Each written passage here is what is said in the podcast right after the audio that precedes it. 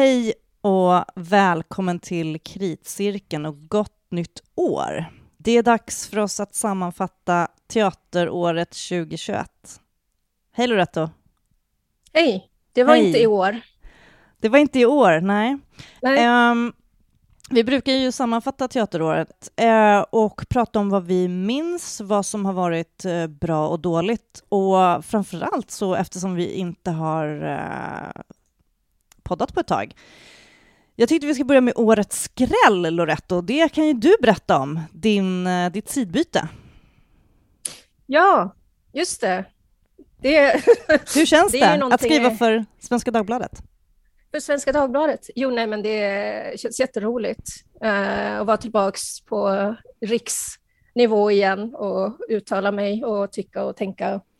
Mm. Och, alltså, det känns ju också lite så här, ja, men nu har jag blivit vuxen, för nu har jag gått från kvällstidning till, till eh, dagstidning. Mm. Oho. Ja, Ja. tänk så, så det kan gå. Då, då jag är fortfarande snorunge. Ja, precis, lilla, Ehm, lilla gumman. Mm, jag har ju varit på public service då. Är inte det vuxet Ja, så just det. säg? Så jag har gått i Jo, barndom. det- ja, det har gått så här kurvan baklänges kan man säga. Nej men så nu är du ändå, får vi se om du fortsätter? Eh, om du får vara kvar. Om jag får vara kvar, ja, precis. Inte efter idag. Nej, Nej men allting nej kan hända. Men, men vi brukar ju prata om att ehm, det, det, det hänger på om kritiken får vara kvar överhuvudtaget. Ja, men exakt. Jag tycker det Stackars här... lilla scenkonstkritik. Ja, men jag har ju faktiskt sagt att jag tycker att årets pris, alla kategorier, på något sätt borde gå till, eh, nej men först kanske till teaterkonsten som, som överlevde och kom tillbaka. Eh, men också till kritikerna som faktiskt ehm, ja, men, eh, plötsligt började krypa fram ur, ur sina hålor när det öppnade igen Mm.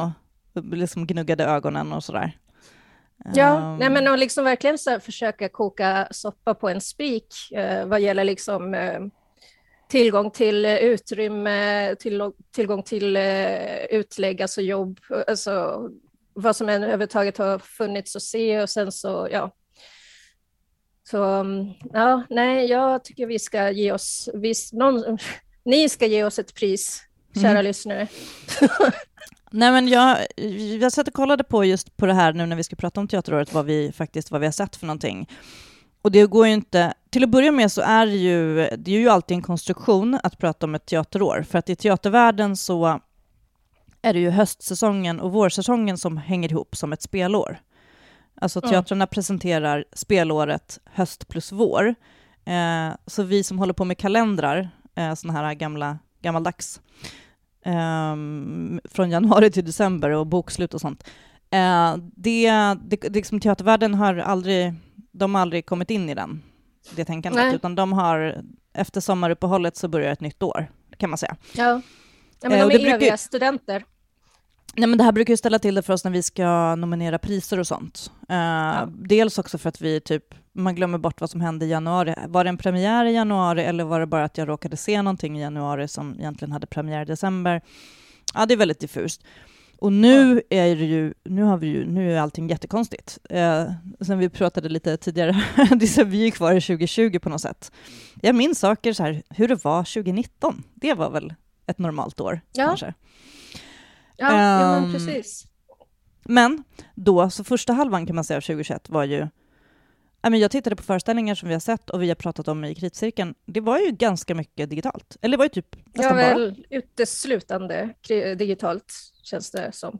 Ja, alltså jag såg... eh, Jag recenserade en fysisk föreställning ehm, i, ehm, i mars. Och det var ÖFA, ÖFA-kollektivet, Turteatern, Stolthet och fördom, den här Just det. eh, härliga burleska eh, grejen i, ja, som de spelade för åtta personer. Ehm, Mm. Sen så, vad jag kan minnas i alla fall, så var jag inte på någon fys... Jo, jag kanske var på någon fysisk... Jag vet inte, det var ju också så himla svårt att få biljetter till saker. Det som spelades, det gick ju inte, det kunde man knappt se. Eh, så det var ju först i juni eh, som... Kommer du ihåg det? Det vi, vi- vi gick på Ja. Almstriden för första gången med publik och det var ju på Parkteatern, det var ju utomhus. Ja. Eh, så så såg det ut. Uh, jag var på en föreställning, ja, jag var på någon fysisk föreställning där i juni, uh, på Ö2 som jag recenserade, men uh, Ja, men det var det. Uh, mm. vi, vi, såg liksom, uh, jag såg Digital Teaterträffen i maj, uh, massa bra saker som var digitalt. Jag såg, skrev om den där digitala um, scenkonstfestivalen Lessingtage som uh, Dramaten samarbetade med och spelade intressanta saker.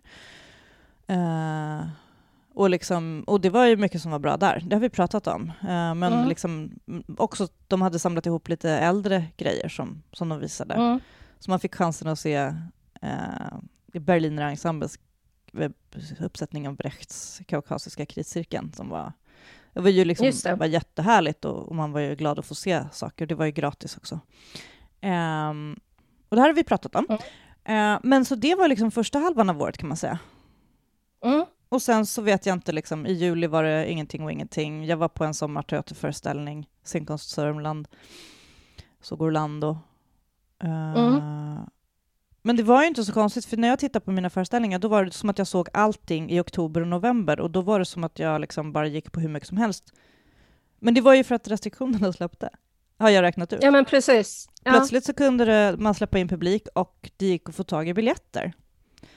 Ja. Um, så, därför, så därav liksom det här kosläppet som hände, oliverna som åkte ja. ur flaskan. Ja, och sen så blir man utbränd. ja, men precis. Nej, men jag vet inte, jag kände också så här, det var, det var väl... Um, jag kände mig nöjd att, man, att jag lyckades gå och se så mycket utan att också bli förkyld. För det har ju varit stressen hela ja. tiden nu när man har jobbat. Ja. Att man liksom inte vågar nysa. Mm, jag lyckades åka på festival ja. i Belgrad. Och där drog jag ihop, liksom, ehm, liksom såg 14 föreställningar på två veckor. Um, så där åkte ju mitt snitt upp kan man säga. Jag har räknat ut att jag såg en runt ett 40-tal föreställningar mm. fysiska. Lite mer än 40 någonstans. Uh, och sen ganska många bra digitala. Men uh, hur mm. var det för dig då? Ja, nej men det är igen, alltså det har varit så svårt att förhålla sig till det här året. Alltså dels för att jag liksom hade försatt mig i det här professionslimbot. Liksom, ja, jag är kritiker, jag är inte liksom så här. Och bara det gör ju att det är svårt att liksom, eh, motivera att, att be om eh, biljetter. Mm. Så eh, det var ju liksom en anledning till varför jag inte ens försökte se någonting. Men sen så har jag ju liksom också varit ute och jobbat alltså, i frontlinjen och varit mm. alldeles för trött för att orka ta mig till Stockholm för att gå på teater. Men du har helt enkelt så... gjort något viktigt av din tid? ja, precis faktiskt räddat liv här. Mm. inte som jag sen... då som har suttit och tagit så här onlinekurser i franska. Nej, precis. Ja, och sen så, ja, sen så kom eh, oktober, november, ja, framförallt november, och det var ju liksom då som jag började också försöka se ikapp eh, liksom även sådana här föreställningar som jag inte hade hunnit se från eh, föregående säsonger eller föregående terminer. Mm. Um, ja, du hann se så, Irakisk ja. Kristus. Ja, men precis. Den var ju väldigt fin. Ja. Den tänkte, liksom... jag, jag, tänkte nästan att jag skulle se om den, för det var ju för mig, det var ju min sista som jag såg innan allting stängde 2020. Så för mig är den, den mm. föreställningen, eh, när, ja, innan det onormala började. Ja, precis. Men du såg den med nya skådespelare, va? Ja, delar av ensemblen hade bytts ut och mm, jag tyckte att det var en väldigt eh, fin föreställning, liksom fint ensemblespel, men framförallt så tyckte jag att den här bearbetningen som eh, Lukas Svensson gjorde av eh, Blasims eh, svitberättelser var otroligt slående. Och jag tycker också att den eh, på något sätt eh, gör sig oberoende av uppsättningen. För att många har liksom pratat om att varför den här uppsättningen var så bra var ju liksom väldigt mycket tack vare teamet och det ska man ju liksom inte förringa, men jag tror faktiskt att det här är någonting som kommer att kunna spelas på andra scener, på andra mm. språk. I, alltså det, det har liksom ett långt, mm. en lång räckvidd språkmässigt, tidsmässigt överhuvudtaget.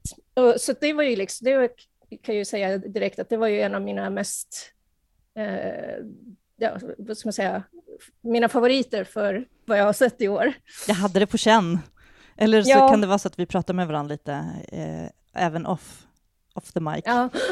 Men, ja, men, och jag tycker också så här, jag, jag, skulle också gärna, alltså, jag tycker nu inte att den hörde till 2021 eh, för mig, eller den hörde ju Nej. inte, alltså, så, om, om jag ska få vara lite sån. Um, men jag, jag, tänkte också att jag, jag tror också, så här, i och med att det är så mycket som har bytts ut och det har gått lång tid, uh, så, så, tror jag verkligen att det kan ha varit också så att den rörde lite på sig. Um, mm. det, det hade varit intressant att se den igen. Jag prioriterade inte det Um, jag kanske borde ha gjort det. Uh, men mm, alltså för, jag tror att det hade varit intressant för dig att sätta om den, för att som jag fattade det, uh, Sofia Artin höll ju ett uh, så välkommen snack när jag var där. Och då berättade hon ju liksom att uh, de har ju repeterat den kontinuerligt mm, vet, sen, ja. sen den repperioden i, från i våras. Så att den har ju liksom nötts in. Alltså jag tror att den har, måste ha liksom transmitterats till någonting annat än mm. det du såg. Absolut, um, absolut. Det, det, tror jag också. Och jag tycker att det var, det är också, den är väldigt intressant för Galeasens um, sätt att arbeta och processen. Det, ju, det, var ju roligt också att den, ehm, den hänger ihop med Är det krigen i och med att den är, som, mm. den är påbyggd, liksom, eh, scenografin från Är det krigen som fick på något sätt ersätta den ja, när den inte kunde spelas så såg man igenom scenografin och det finns ju också det finns ju absolut liksom också referenser kan man, alltså i, i liksom ämnesmässigt. Um, mm. Och jag, jag tycker att där, dessutom att den är, jag gillar ju när saker um, utmanar mina, för jag, jag, jag kan ju säga att jag har det är inte så att jag under det här året har släppt min eh, aversion mot de allt för många dramatiseringarna av romaner. Eh, mm. Det har vi pratat om alldeles nyss i förra programmet kanske. Eh, men det här är ju en sån där, det, där jag, som är ett undantag. Eller vad man ska säga. Mm. Eller det är inte så att det ja. är, det går inte att säga att en dramatisering av en roman är en sak, men eh, här kan man känna att eh, syftet är någonting mer än att faktiskt så här, rida på en populär bok. Det är inte så Galeasen ja. jobbar. Eh, Nej, den här, är liksom, här har det funnits en idé att berätta en historia genom teater eh, som bygger på en roman. Och, mm. och, och, den liksom, det, är en, det, det är en motiverad överföring. Absolut. Ja, nej, men jag tycker som... liksom, eh, alltså, den, är, alltså, den här bearbetningen är ju liksom genomlyst rakt igenom. Alltså, så jag tror att jag har beskrivit eh, Blasims eh, verk som, eh, som en mosaik av berättelser. Mm. Och då, har liksom den, och då kan man beskriva den här eh, pjäsen som ett kaleidoskop. Liksom att det är samma fragment av, eh, av berättelser som har krossats, stuvats om i ett rör och liksom med speglar och det här. Och det här är ju liksom också en, eh, en metafor som är eh, återkommande i pjäsen, ja. men också i scenografin. Alltså det här mm. liksom skärv, eh, skärvmetaforen. Så, så det är liksom så jävla gediget gjort. Mm. Fan vad bra. Ja, nej, men det är snyggt. Och, och Lukas Svensson är ju inte en duvunge när det gäller att skriva pjäser. Han har väl liksom, mm. eh, han har väl kommit och gått, han hade ju sån himla hype-tid ett tag och var väl lite ihjälkramad och sen så, eh, ja men han har väl gjort lite si och så, liksom olika typer av eh, prestationer. Men det här var en bra mm. sådan. Ehm, och som sagt, det, ja, vi, vi, det här är ju en podd som slår lite ett slag för för den nyskrivna dramatiken. Um, ja. Och även en romanbearbetning kan vara en nyskriven pjäs, men ibland så känns det ju inte så. Uh, ibland är det ju som sagt uh, någon som har suttit och copy-pastat liksom, ja. uh, och bara satt det på, ja, förkortat lite och gjort det till någon sorts liksom, spelunderlag. Um, ja. Och det kan bli bra teater också. Det är inte, jag säger ingenting om det. En uh, av mina favoriter i år uh, nu gör jag en sån där övergång, det är ju mm. en uh, föreställning som har tagit uh, ganska tydligt intryck av en otroligt känd bok, nämligen Den gudomliga komedin av Dante Alighieri. Mm. Ambulans på mm. Dramaten som scenkonstkollektivet Lumor har gjort i samarbete med Dramaten. Det var, den har jag satt min liksom, årets bästa flagga i mm. den tårtan. Um, det är Paula Stenström Öhman. Uh, och det är absolut ingen, det är absolut ingen dramatisering av Dante.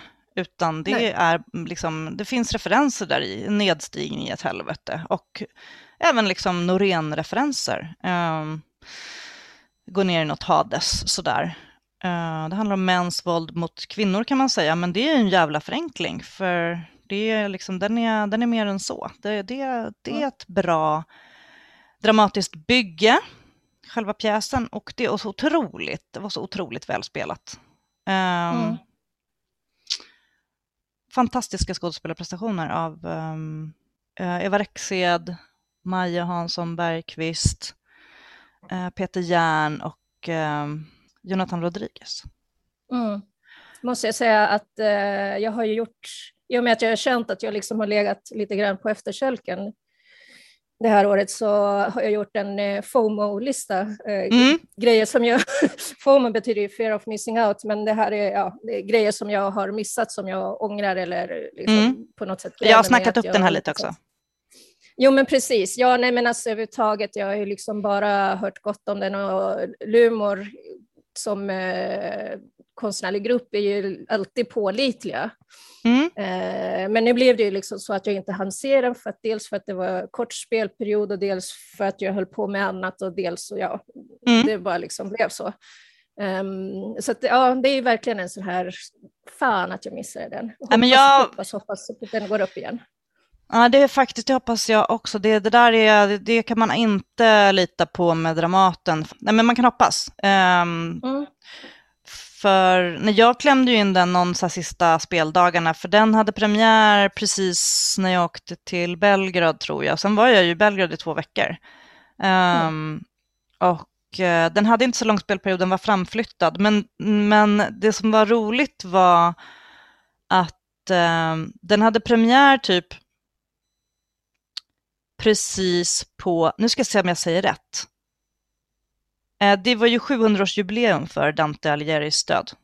Alltså han dog, tror man då, det är ju lite svårt med, det är så länge sedan, men 1321. Eh, 13, eller 13 eller 14 september står det på Wikipedia. Mm. Och den här hade då premiär precis liksom i ja, de dagarna, om det var liksom den ja. 17 eller någonting. Eh, och jag vet inte hur medvetna de, alltså ibland så brukar man, så brukar teatrar tänka så, men i och med att den har varit framflyttad och omprogrammerad på grund av pandemin så vet man inte om det här blev en slump. Men jag tycker att det var väldigt, jag tyckte att det var lite roligt. Eh, mm.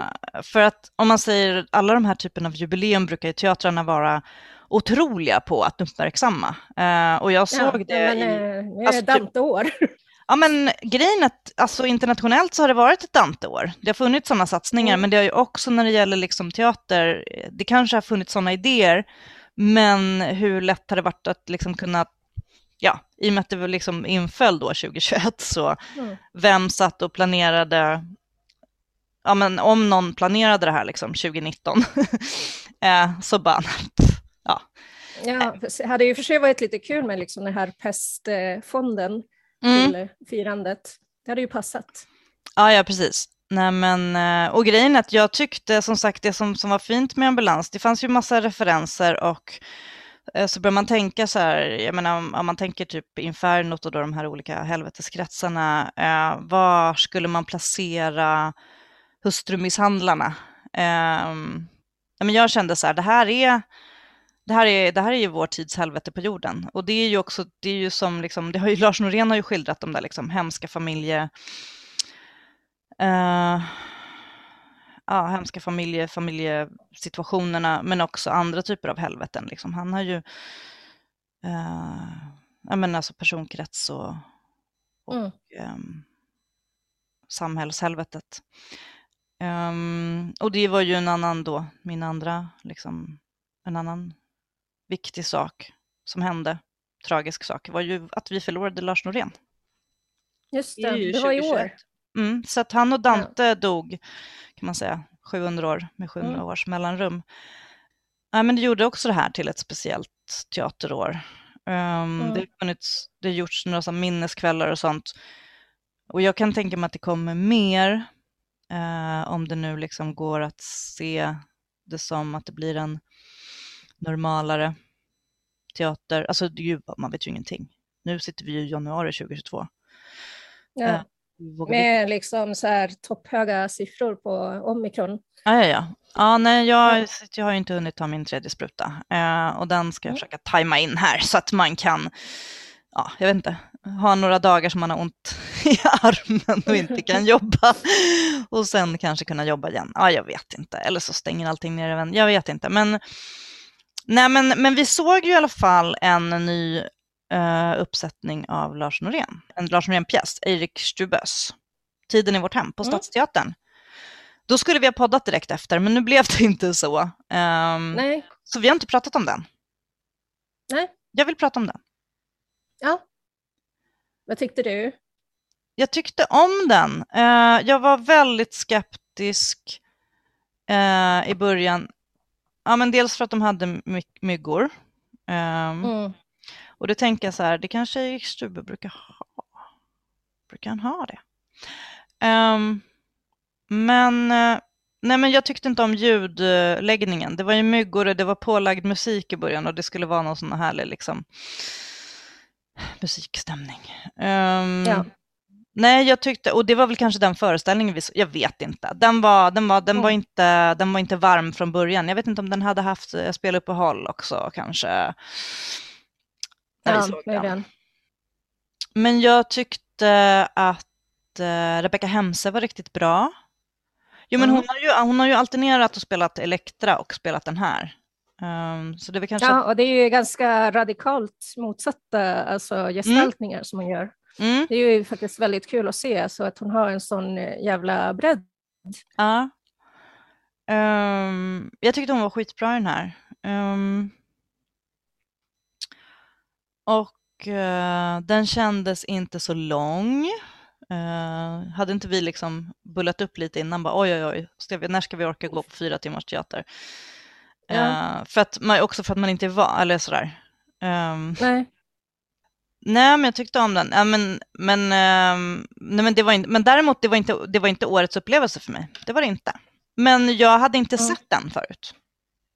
Mm. Uh, det är ju en uh, gammal Norén-pjäs. Mm. Detta. Just det, 90-talspjäs. Mm. Så, så jag tycker att den håller. Um, sådär. Vad tycker mm. du? Jo, uh, jag tyckte den var intressant. Ja. Låter som att det är en så sågning under, men nej, det är, alltså, när jag säger att det är intressant så är det liksom för att den um, gjorde saker som jag tyckte var bra. Jag håller med om det här med ljudläggningen och speciellt i första akten så var det liksom så, så jävla kompakt liksom att det inte gav, för att liksom scenrummet var ju enormt. Mm. Liksom från Klara vägg scenen. till vägg ut. Ja, precis. Och från, mm. utan, eh, utan liksom, eh, några kulisser eller någonting, utan det var liksom den bakre väggens kala väggar liksom med lysknappar och nödutgångar och hela skiten. Mm.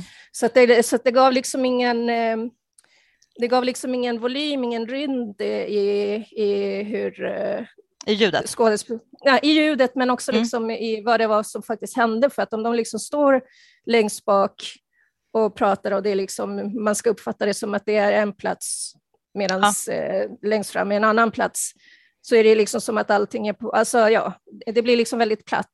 Mm. Uh, och det tyckte jag var liksom lite så här, störande. Och sen så liksom det här enorma persongalleriet, jag tror att den eh, här ofta jämförs med liksom en av hans tjeckovska pjäser. Mm. Det kan jag liksom så här hålla med om. Jag har liksom mina... mina Nej, den, har, den har ju verkligen lite så liksom kanske. Men... Jo, men, jo, men precis. Ja, och mm. jag kan ju liksom säga, jag har ju mina reservationer mot Tjechov liksom, och hela den, den typen av eh, dramatik och liksom eh, berätta den, om den typen av ja, borgerlighet eller medelklass eller vad man nu ska säga. Men jag tyckte andra akten var eh, så himla intressant för att det är ju då den här festen äger rum. Mm. Och då blir liksom den här rymdlösheten i, i ljudet, i och med liksom att folk bara pratar, alltså det är liksom mer dialog, men den är liksom så riktningslös så att det blir liksom nästan lite så här drömskt. Mm. Um, så till slut så fattar man liksom inte vem det är som säger vad och liksom vad det är som händer och, och så där. Så det blir liksom på något sätt en, en eh, drömlik dekonstruktion av den här liksom tjeckovska familje, familjedramat. Um, och det tyckte jag var väldigt fint. Mm. Så att, ja. ja. Det är yes. liksom på något sätt som att man bygger upp och sen så river man ner. Ja. Det kan jag, det kan jag uppskatta. Mm. Ja, nej, men den går väl kanske fortfarande också? Ja. Den, kanske den inte gör. Ja. Men eh, det kommer ju en ny Norén uh, som, inte, som kommer att ha urpremiär. På, nej, vänta, Dramaten? Dramaten. Dramaten. Dramaten. Uh, nu, bara om ett par veckor. Så ja. den, uh, den kan man ju säga att den ser man ju fram emot. Och jag ser fram emot det här seriealbumet som Norén har skrivit manus till, som har blivit uppskjutet. Ja, vänta, seriealbum? Varför har jag missat det här? Nej, för att det inte har kommit ut än. För att jag hade tänkt att vi skulle prata om det när den kom. Den, den är försenad, tryckningen. Uh, det är Agnes Jakobsson uh, okay. som är illustratör. Och uh, hon, har, hon har i alla fall ritat en, uh, gjort en serie av en ospelad pjäs. Olycka Um, nej men jag har varit på hugget och, och så här velat, jag har lagt så här, du vet, bevakning på att kunna beställa den. Men eh, så, mm. så kollade jag med någon på typ förlaget och då var den, uh, då var den uh, försenad. Så det var mm. synd. Så jag hoppas att den kommer nu. Jag är, jag är nyfiken ja. på den. Jag med. Uh, Spännande. Ja, jag tycker att det lät som ett kul projekt. Jag tycker ju om serier.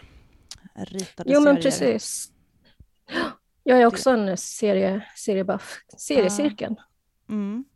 Det har ju vi haft den. Ja. I en forntid, fast inte en inspelad. Mm. Um, så den ser jag faktiskt fram emot också. Um, mm.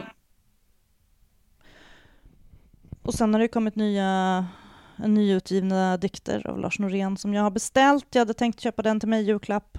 Um, men uh, jag har beställt den och har inte kommit än. Så den kan jag inte prata om. Mm. Nej. ja. Men det finns ju också andra dramatiker som är intressanta. Ja. Till exempel Hitler.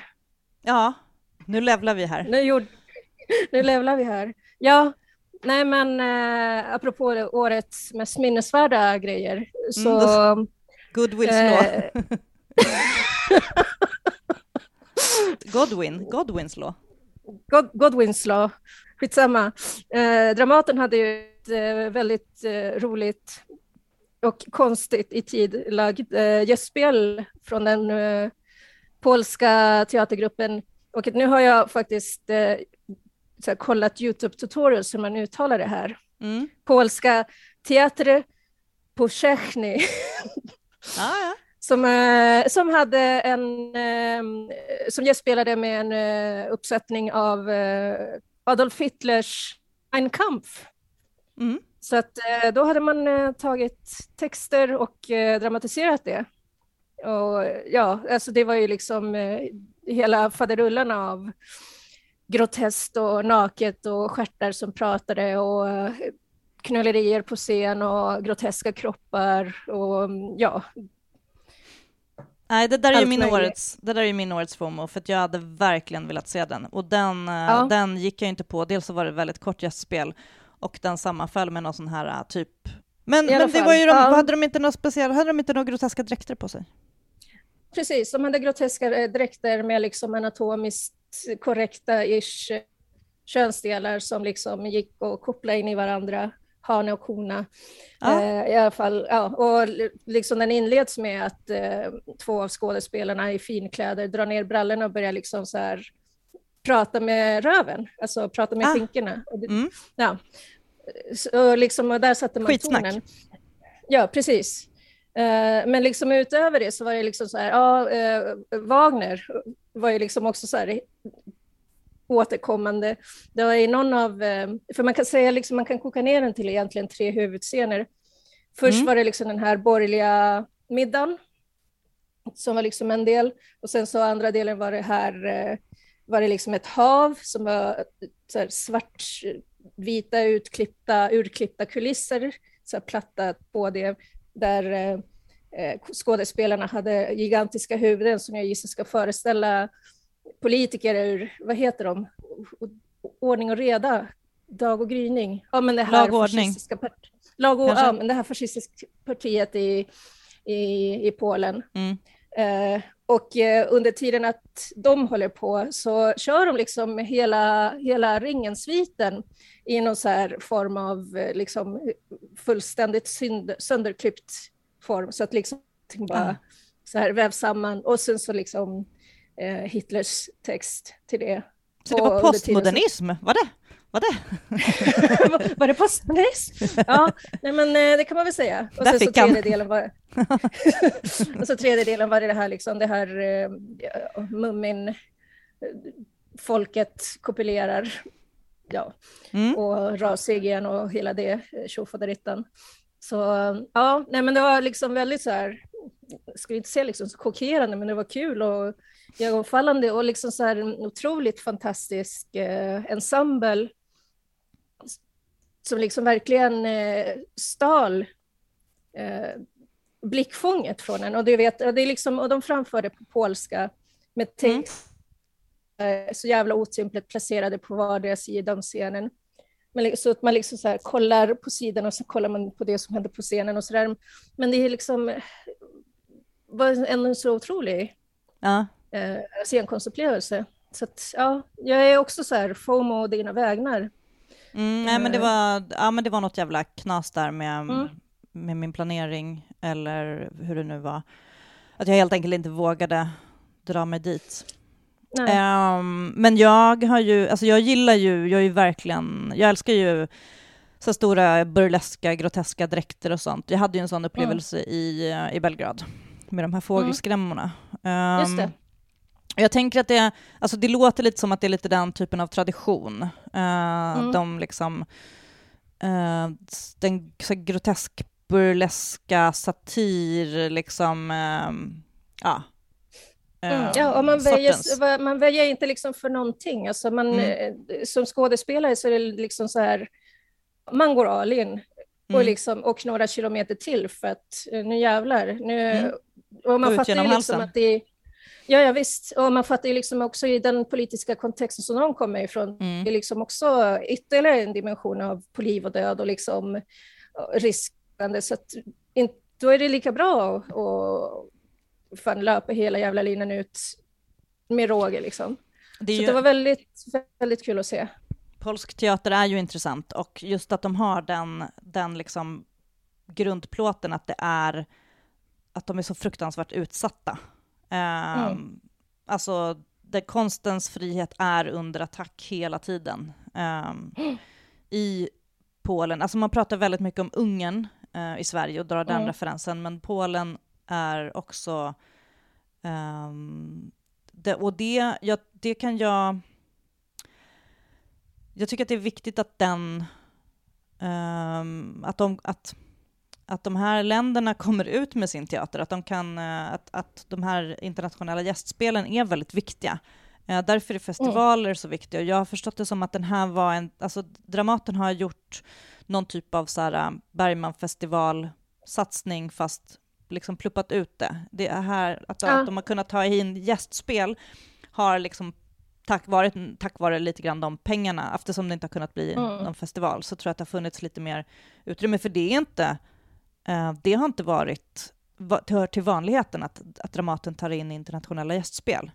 Eh, mm. Och det, jag tror inte att man bara, alltså, det det är inte, inte bara så att Mattias Andersson eh, är ny chef och nu händer Mm. allting. Eh, men, för det kan se ut som en tanke, men jag vet att han tycker att det är viktigt. Ehm, men det har säkert andra teaterchefer också tyckt, men det har liksom inte, Mm. det har ju varit ett problem med svensk teater, med det här med internationella gästspel, och nu har det ju varit ännu, ännu, ännu svårare.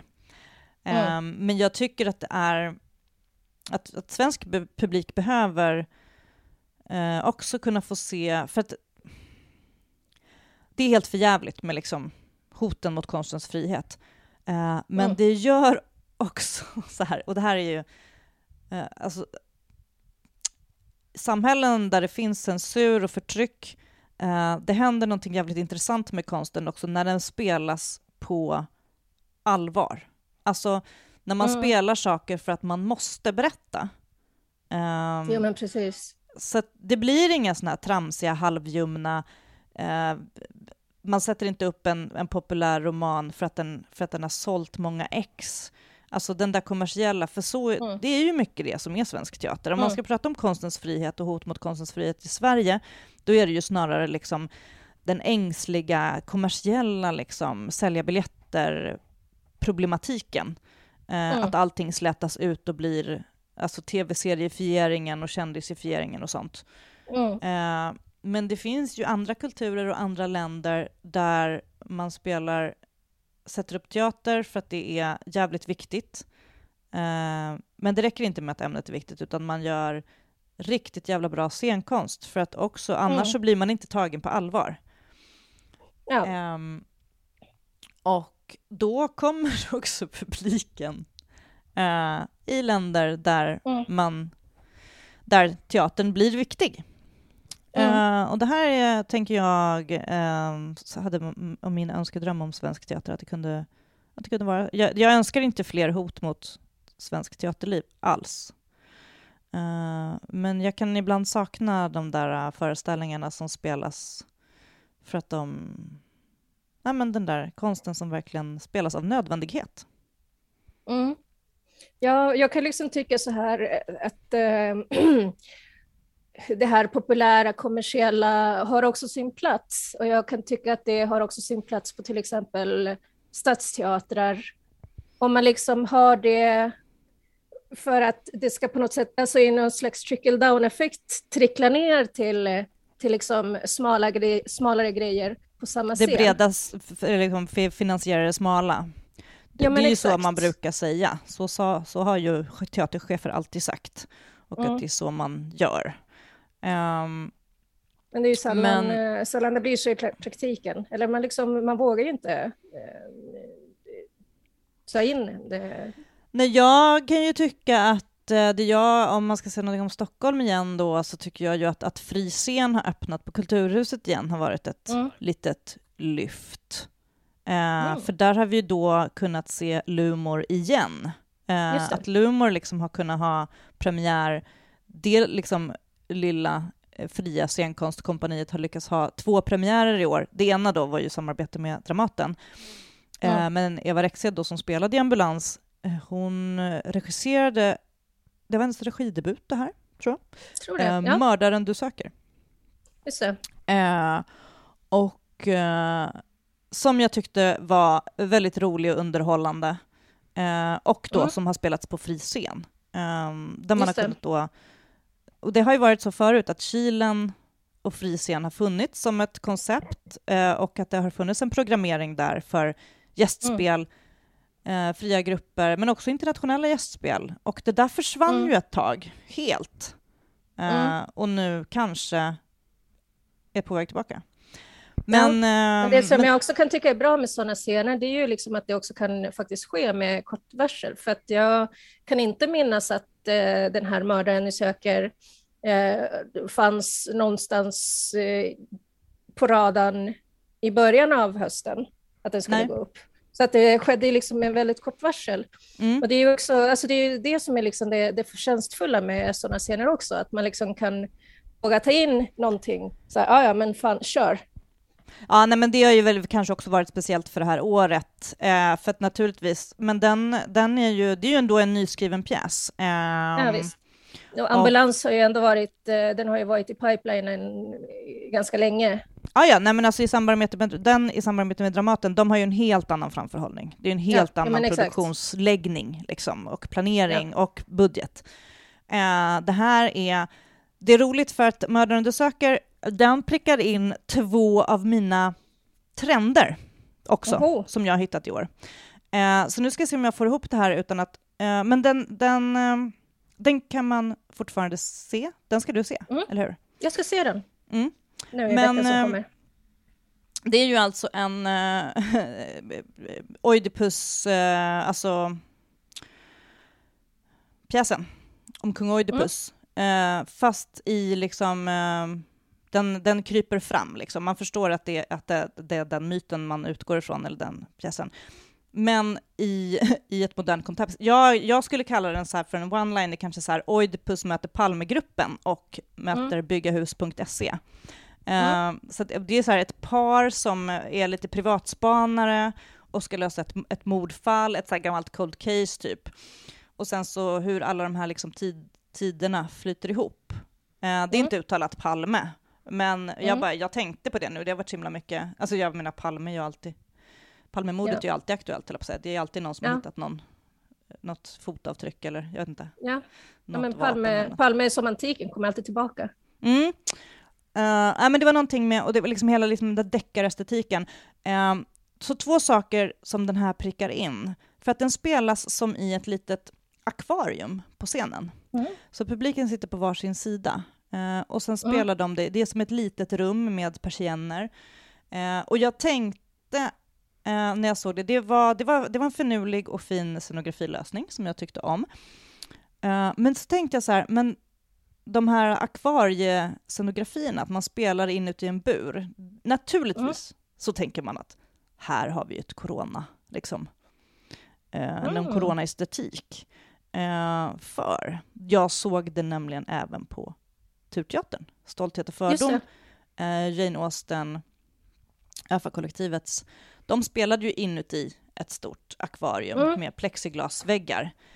Och även Kristoffer Rupings, den här uh, Paradise Hunger, som invigde Lessingtage, den, uh, den som sändes live från den mm. här Lessingtage-festivalen, hade också ett sånt där um, um, ett sånt där litet akvarium, fast de spelade inte hela tiden inuti det. Uh, jag tyckte att det var lite intressant att se hur, hur den här liksom Uh, i, i, även i Fraternité, Fraternité uh, den här på Dramaten, så fanns det ett litet bås som var ett glasbås. De var inte heller inne i det, men att dela in liksom mm. scenrummet och göra en liten bur av det tyckte jag... Ja, men det, det, är ändå en form som har återkommit, som, jag vet inte vad jag ska säga mer om det. Man kan förstå att man tänker att det kunde varit en idé att man ville hålla det där tydliga avståndet, att man ville kanske kunna skydda skådespelarna från publiken eller någonting sånt. Ja, eller så kanske det liksom bara är en eh, väldigt eh, rent metaforiskt liksom. Eh, det är ju en väldigt för hur, ja, ja, instängdhet. För sakernas, um, jag tänker liksom den där den glaskuben nu när jag liksom så här erinrar mig var ju också med i Matrixen, den här ja. uh, The Matrix Docksteater-grejen. Då hade man liksom en liten ja, det, ja, ett litet akvarium för dockorna som användes som pool och liksom som alla möjliga grejer. Mm. Eh, där liksom, ja, vattnet i swimmingpoolen, det, var ju bestod, alltså det gjorde man ju, löste man ju med ljus och sådär. Ja. Men liksom att det också fanns, fanns med som en, som en lösning, fast i miniatyrformat. Mm. Så att, ja, just det. Ja, men också så teatern som en liten Eh, där, där det utförs lite så här, så här djurexperiment. Men exakt. Men alltså, ja. Att man tittar liksom på livet i den här liksom begränsade lilla kuben, eller man ska säga. Eller inte, det behöver inte vara en kub, men det har varit just den här avlånga mm. akvariumlådan. Mm, mm. Akvarium eller terrarium. Ja, men i alla fall, den, den prickade in det. Eh, så där hade jag kunnat jag ska inte säga att det är en, eh, alltså, och det, ja, nu, jag försöker gräva i minnet, det är inte så att det är nytt. Eh, man ska aldrig påstå att Nej. någonting är nytt, men, men jag har sett den scenografiformen återkomma då lite grann under året och um, jag känner att jag vill säga det i alla fall, som en spaning. Mm. Ja, och, och vad det kan betyda. Och en annan spaning är ju då att eh, i och med då mördaren du söker eh, bekräftar att om någonting har varit en comeback i år så är det ju antiken. Mm, just det. Uh, det, det sa du ju redan när vi såg Elektra. Ja, jag har kanske sagt det. Mm. Ja. Och eh, det är bra att du påminner mig om jag, vad jag redan har sagt. Nej, men eh, mm. för att, för att eh, det, och det kan man inte säga så här, jag, man kan inte påstå att det är en trend, är väldigt mycket antiken på teatern just nu, för det där går ju i vågor. Mm. Uh, och det här kanske jag också sa just då, eller har jag tänkt i alla fall. Ibland är det så här, vissa säsonger är det plötsligt jättemycket Shakespeare. Eller under, så här, mm. plötsligt spelar alla, alla Strindberg, eller plötsligt spelar alla liksom, ja, sådär. Det händer. Ja. Ja, men vi hade ju något år som vi hade Medea överallt. Då var det liksom inte ens antiken, utan då var det Medea och det var ju eh, flyktingkrisen-året. Ja, precis. Och, och, och, och, i år har ju Athena Farrokhzad gjort en uh, omskrivning av Medea som heter Moral mm. enligt Medea, uh, mm. som inte är ny, utan den var beställd, tror jag. Den hade ju premiär i Oslo. Uh, mm. I samband med en annan uppsättning av Medea, alltså mm. den vanliga eh, Euripides. Men, eh, men jag tänkte på så här, men det är lite grann intressant att spana var, var, liksom, varför blir det så här? Och eh, jag tror inte att liksom det finns någonting med att teatern också går tillbaka, alltså man går tillbaka till rötterna. Alltså kanske, så här, nu har vi varit väldigt, liksom, hela teaterkonsten har varit väldigt utsatt. Eh, och ja. vad, är det liksom, vad är det som har hållit ända sedan de gamla grekerna? Det är ju liksom de här antika dramerna och man kan skriva om dem och göra om dem i, i all oändlighet. Liksom. Uh, och bara för några sen så måste man ju också, man måste, sen kan man ju också säga liksom renässansen var ju en respons på digerdöden. Mm. Det har vi ju liksom nu också här i något slags mikroformat. ja, men lite renässans. Ja, um, ja nej, men så att, så att, uh, och jag, jag, tänkte på, så fundera på så vad, vad kan saker och ting bero på? Det är svårt att veta, men, men bara för några år sedan, det var ju liksom 2019, så kom det här uh, märkliga förslaget uh, att man skulle skippa antiken från skolornas läroplan. Kommer du ihåg det? Ja, just och det. folk, ja, folk nej, men, var rasande. ja. Eller ja, folk, typ, folk i våra Twitterflöden. ja, men och, och på våra kultursidor. Mm. Nej, men även jag hann bli lite rasande, men sen tog de tillbaka det. Men jag vet inte, det är um, återigen svensk, svenskt kulturliv. Alltså man tittar man, kikar man liksom utanför kanten på Sverige så mm. uh, jag såg ju den här tio timmars Dionysos-grejen som också var Kristoffer Ryping mm. Uh, på, på träff, teaterträffen 2019 som handlade om antiken. Jag tänkte på det då, när jag såg den, att här spelar man liksom hela eh, ja, men, eh, hela Orestin, typ, det var ju en jätteomskrivning liksom. Mm. Som höll på i tio timmar, som var helt eh, underbar och galen. Men den liksom utgår ifrån att alla kan de här storiesarna och att man uppskattar hur den här omskrivningen är gjord. Medan jag kan känna sig ibland på svensk teater att det blir lite så här nu ska vi förklara vad den här gamla myten... Alltså man på något sätt måste gå tillbaka till noll hela tiden, för man inte riktigt litar på att mm. publiken eh, kan sin oresti. Och jag tror faktiskt inte att mm. folk i allmänhet kan pjäserna ja, i orestin. Men alltså, det är också... Ja, nej, men jag tror också att det är, liksom, det är en uh, underskattning åt två håll. För att å ena sidan underskattar man publiken, som du säger, mm. men å andra sidan så underskattar man faktiskt berättelsernas uh, styrka. Slag, ja, precis, slagkraft att faktiskt bära sig själva utan att man behöver förklara dem, eller liksom mm. så här, förklara referenserna eller liksom förklara, förklara vad de står för. det, det är liksom så här, synd i dubbel bemärkelse jag tycker mm. för att det är liksom, alltså grejen med, med antiken, det är ju liksom att de slår an fortfarande, det är ju liksom för att de ändå på något sätt petar i eh, så här universella frågor, alltså mm. liksom vare sig det liksom är kärlek, svek, migration, whatever liksom. Livet, döden och allt däremellan. Ja men, ja, men exakt. Och, och det är liksom, det är allmänmänskligt och, och det räcker. Mm. Och plus, men jag, jag har en sak att tillägga där, för jag tror också att, för jag menar det är en sak med antika myterna, men också att man, att man går i, liksom, tillbaka till de antika dramerna och Ja, men en pjäs som vi inte har sett i år är ju Alcestis på Dramaten, eh, som de kallar då för en överskrivning, och det, det är ett uttryck som, är, som, som gör ont i mina ögon, för jag tror att som overwriting, alltså det är liksom en, mm. det är egentligen en ombearbetning då, men, men man har liksom tagit så här anglofierad, ja, den här eh, uttrycket är lite märkligt, av Ellie Pappa Costantino. Men eh, som sagt, vi har inte sett den. Eh, vi hade ju kritikerkollegor som inte var jätteimponerade av den. Eh, så jag har inte känt mm. att det varit så himla viktigt. Men, men det jag ska säga var till, till de antika dramernas försvar är också att de har ju en automatisk inbyggd jävligt bra dramaturgi. Mm. Alltså så för att när man har hållit på liksom att bryta upp och bryta upp och ändra och liksom postdramatiken och alltihopa, det man kan återkomma till är att så här, ja men här, det är någonting bra, man ska spela en föreställning på en begränsad tid, så, så här, de visste ju lite grann mm. vad de gjorde, eh, ja. de här gamla gubbarna. Eh, ja, och inte det för kan... som Aristoteles liksom. Exakt. Um, mycket är jättedammigt och jättekonstigt och liksom allt möjligt med det. Men det är någonting med hur, hur man berättar en berättelse och jag är inte helt säker på att man går tillbaka till det bara för att det är norm och lag och kanon. För det, menar, det är ju alltid intressant att bryta mot det, utan det är på något sätt det håller. Mm. Det, är, det är tacksamt och det är... Um, jag faktiskt gjorde den härliga... Jag uh, tittade på uh, The Killing of a Sacred Deer.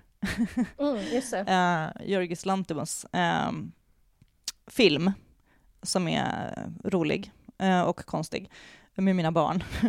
och det är ju en omskrivning, eller liksom bygger på Ifigenia Aulis, och man mm. bara måste säga, ja, där kan jag känna så här, gud, men gud, vad alltså, bla bla bla, Ifigenia, det är någonting, någonting, och sen så, han, eh, han ska offra ett barn för att få vind i seglen, eller hur var det nu igen? Alltså, så här, det är ju svårt att komma ihåg alla de där myterna, och när man ser den så är man så här, men vänta nu, hur, hur är det här, liksom Ifigenia Aulis?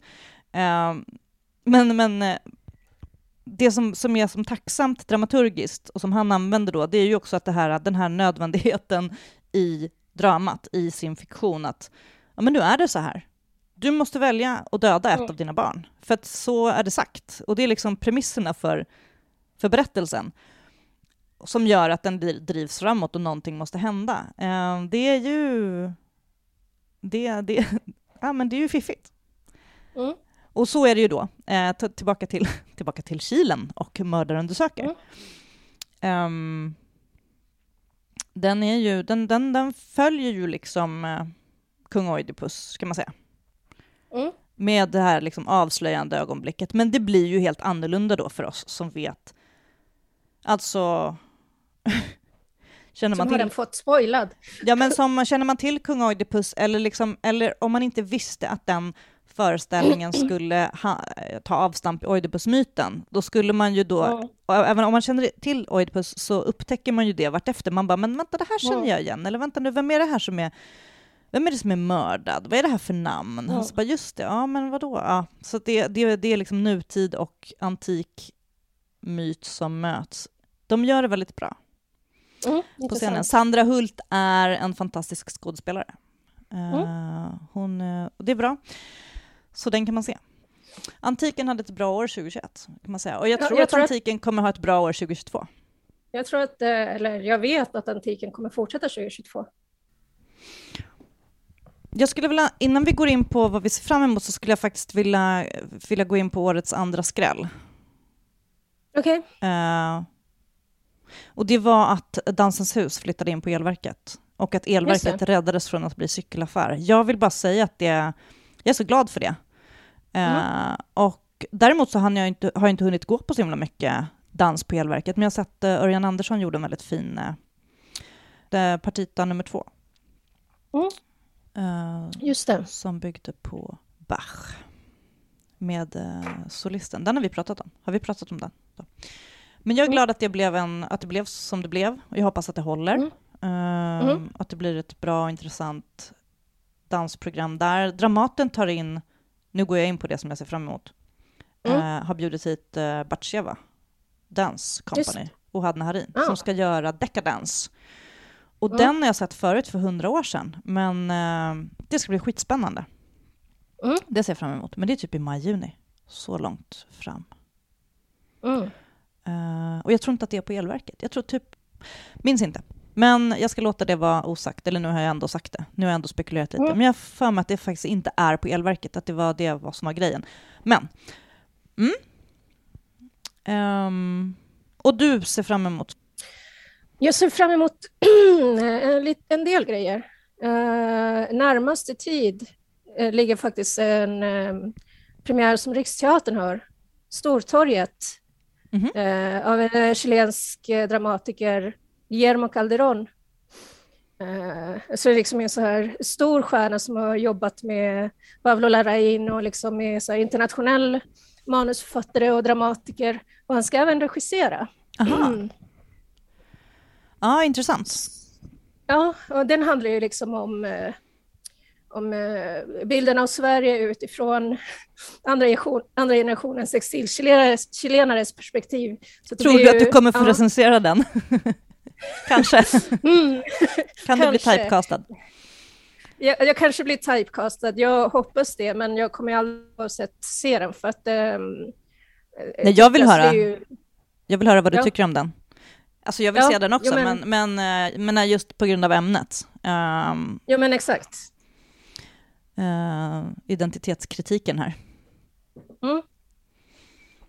Ja, Mm. men precis, nu kommer vi liksom in på, där kommer vi in på min, eh, mitt, mitt andra expertområde, att vara Mm. chilenare. Nej, Mm. men det, är ju, det berör ju mitt forskningsfält, liksom, hur minne, minne och postminne och sådär. Ja, precis. Innan liksom någon anklagar mig för att vara eh, så här, rasist. Bara du Ja, som ja, är chilenare. Men det precis, för Ja, det är kanske nej, inte alla som vet nej. Nej. Nej, precis. Nej, men det är ju jättespännande att de har tagit in en, eh, en sån eh, dramatiker, liksom bara så här, out of the blue. Mm. Eh, Plötsligt händer det. Annan, annan spännande premiär också i januari, det är ju Löftet på Kungliga Operan, nyskriven svensk om Förintelsen Just det. med musik av Mats Larsson Gåte, regi av Stefan Larsson och det är ju liksom nyskriven svensk opera, det är ju alltid välkommet, viktigt och intressant. Det blir Ehm, mycket om förintelsen nu i början av året.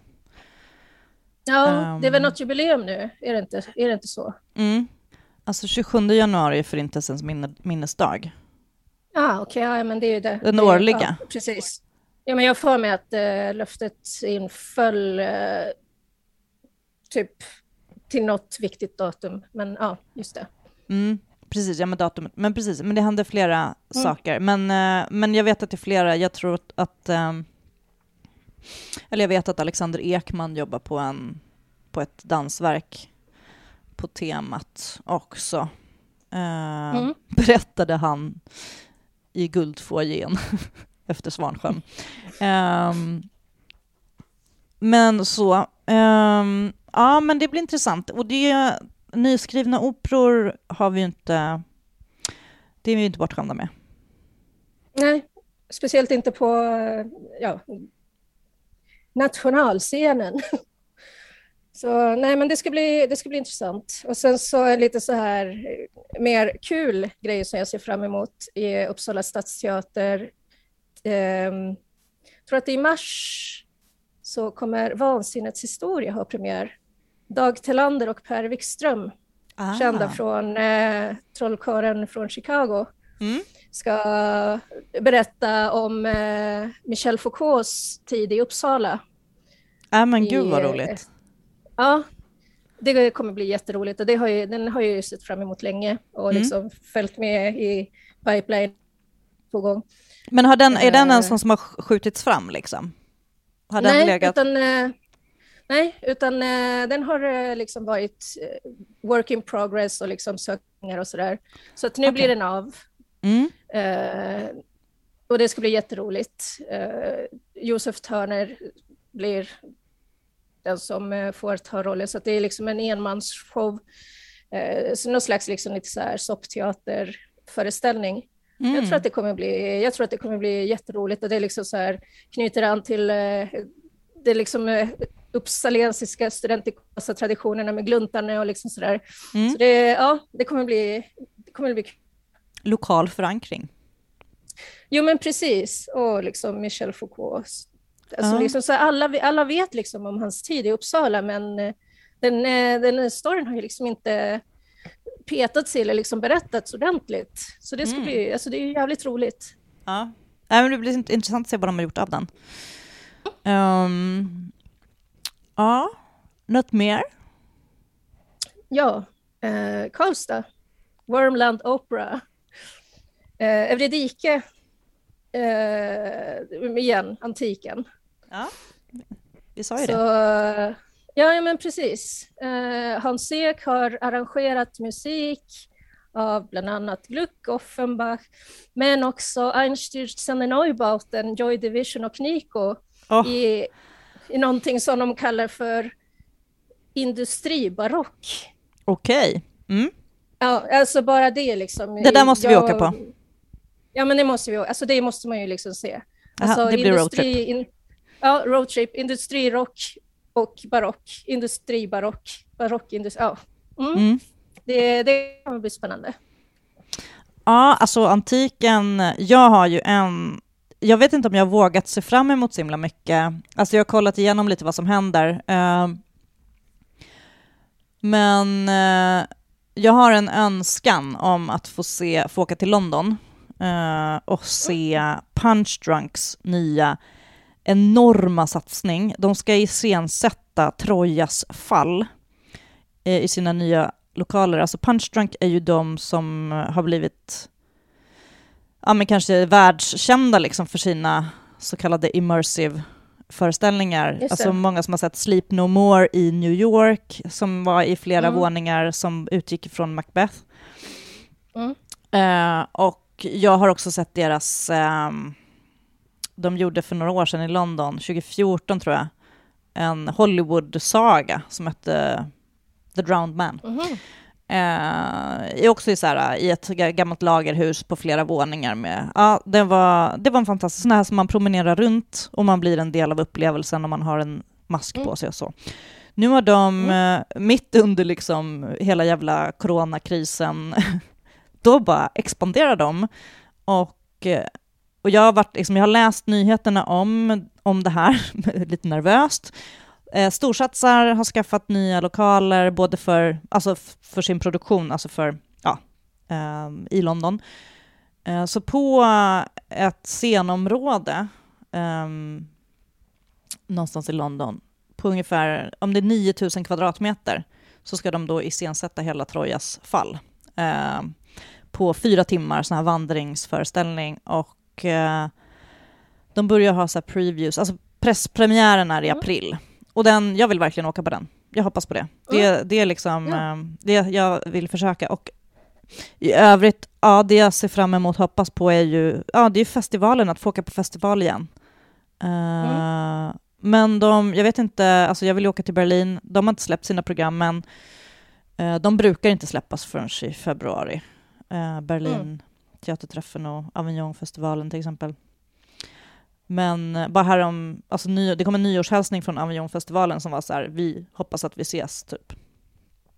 Uh, ja, det lät de... ju försiktigt optimistiskt. Nej, men de, de körde ju förra året. Uh, jag vågade ja. inte åka dit då, för jag trodde inte att det skulle funka. Mm. Jag hade inte fått mina sprutor. Um, mm. Man vet ingenting. Mm. Nej, men det är, ungefär, det är ungefär så mycket som jag orkar våga kika framåt. Um, men Macbeth då? Jens Solin och Hannes Mejdal? Ja, Macbeth ser jag fram emot mm. på Dramaten. Jag tycker om pjäsen och jag tycker om det uh, Mejdal och Olin gör, har gjort med, ja, vi har ju pratat om mm. Hamlet. Jo men exakt, det ska ju vara någon slags uh, tvilling eller systerpjäs till den. Ja. Det är ju, ja det finns ju lite och det finns ju, det finns ju i, alltså det är därför man gillar Macbeth också. Mm. Mm. man, gillar, man gillar Hamlet och man gillar Macbeth, men, uh, men mm. maktkampen och det är en intressant pjäs. Och som, som sagt, hur mm. Sleep No More gjorde den, uh, jag tror att det är mm. så att den kanske fortfarande går i New York, och den, Sleep No More har de ju gjort en version i typ Shanghai också. Alltså, mm. nu pratar jag om Punch Drunk. Det finns så himla mycket att hämta ur Macbeth. Och det är ju också så här, nej men det är också så här, Braveheart, alltså det finns ju allt möjligt. Uh, ja. De här gamla klanerna, liksom. Det, det, och det går att modernisera och det går att, och går att hitta paralleller till politik och uh, psykologi. Så nej, men det kan bli intressant. Mm. Uh, den kommer man ju att se. Det kommer jo, man absolut. göra. Mm. Nej, en sak som man kan säga är ju att jag, jag, det känns som att det är lite för tidigt att se det är liksom, det är en sak som är lurig med teatern är att man inte riktigt märker vad som har försvunnit förrän lite så här mm. senare. När man bara, men, för det, det, det är ju ändå så, ja, men till exempel frigrupper kan ju ha en produktion om året, eh, eller något, liksom, sådana mm. konstellationer. Och sen om det inte kommer någonting ett år, så man vet inte om, alltså det är svårt att veta om den gruppen har dött eller inte. Eh, ja. Förrän liksom kanske efter tre år, när man bara, men vänta, fanns det inte en grupp som brukade göra Hmm, hur gick det med den där? Alltså det är just de fysiska scenerna ser man ju när de stänger och det blir ett himla hallå ja. liksom.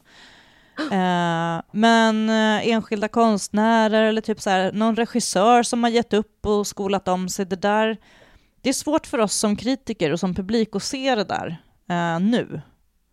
Mm. Eh, och vi vet inte heller vilka som nej, men som kanske omskolade sig men eh, ångrar sig igen och kommer tillbaka om fem år. Alltså så här, så att uh, det, de där effekterna tror jag är väldigt svåra att se än så länge. Jag hoppas att det ja, görs nej, lite sådana här uh, vetenskapliga studier. Um, det hoppas jag. Ja, att det sitter... nej, men det kommer det göra garanterat. Mm. På så. institutioner och sånt. Um, och som sagt, det här är inte över än. Nej. Vi vet inte. Um, vi bara bytte kulturminister mitt i alltihopa. Uh, det, kommer ja, det, är blir ett val, det är valår nu liksom. Bara, vad, vad kommer hända med kulturen? Vad kommer hända med scenkonsten? Liksom? Vem kommer att slåss för, ja, för överlevnad? Vem kommer att slåss för kritikerna? Ja, det är ju ingen. Nej, det är väl ingen. Mm. Men eh, med det sagt så Gott nytt teaterår. Ja. Uh, vi, uh, tack för att ni har lyssnat på Kritcirkeln. Tack Loretto för att du var med och tack, tack. summerade 2021. Uh, tack för att ni har lyssnat. Jag heter Cecilia Djurberg. Vi hörs snart igen. Hej då.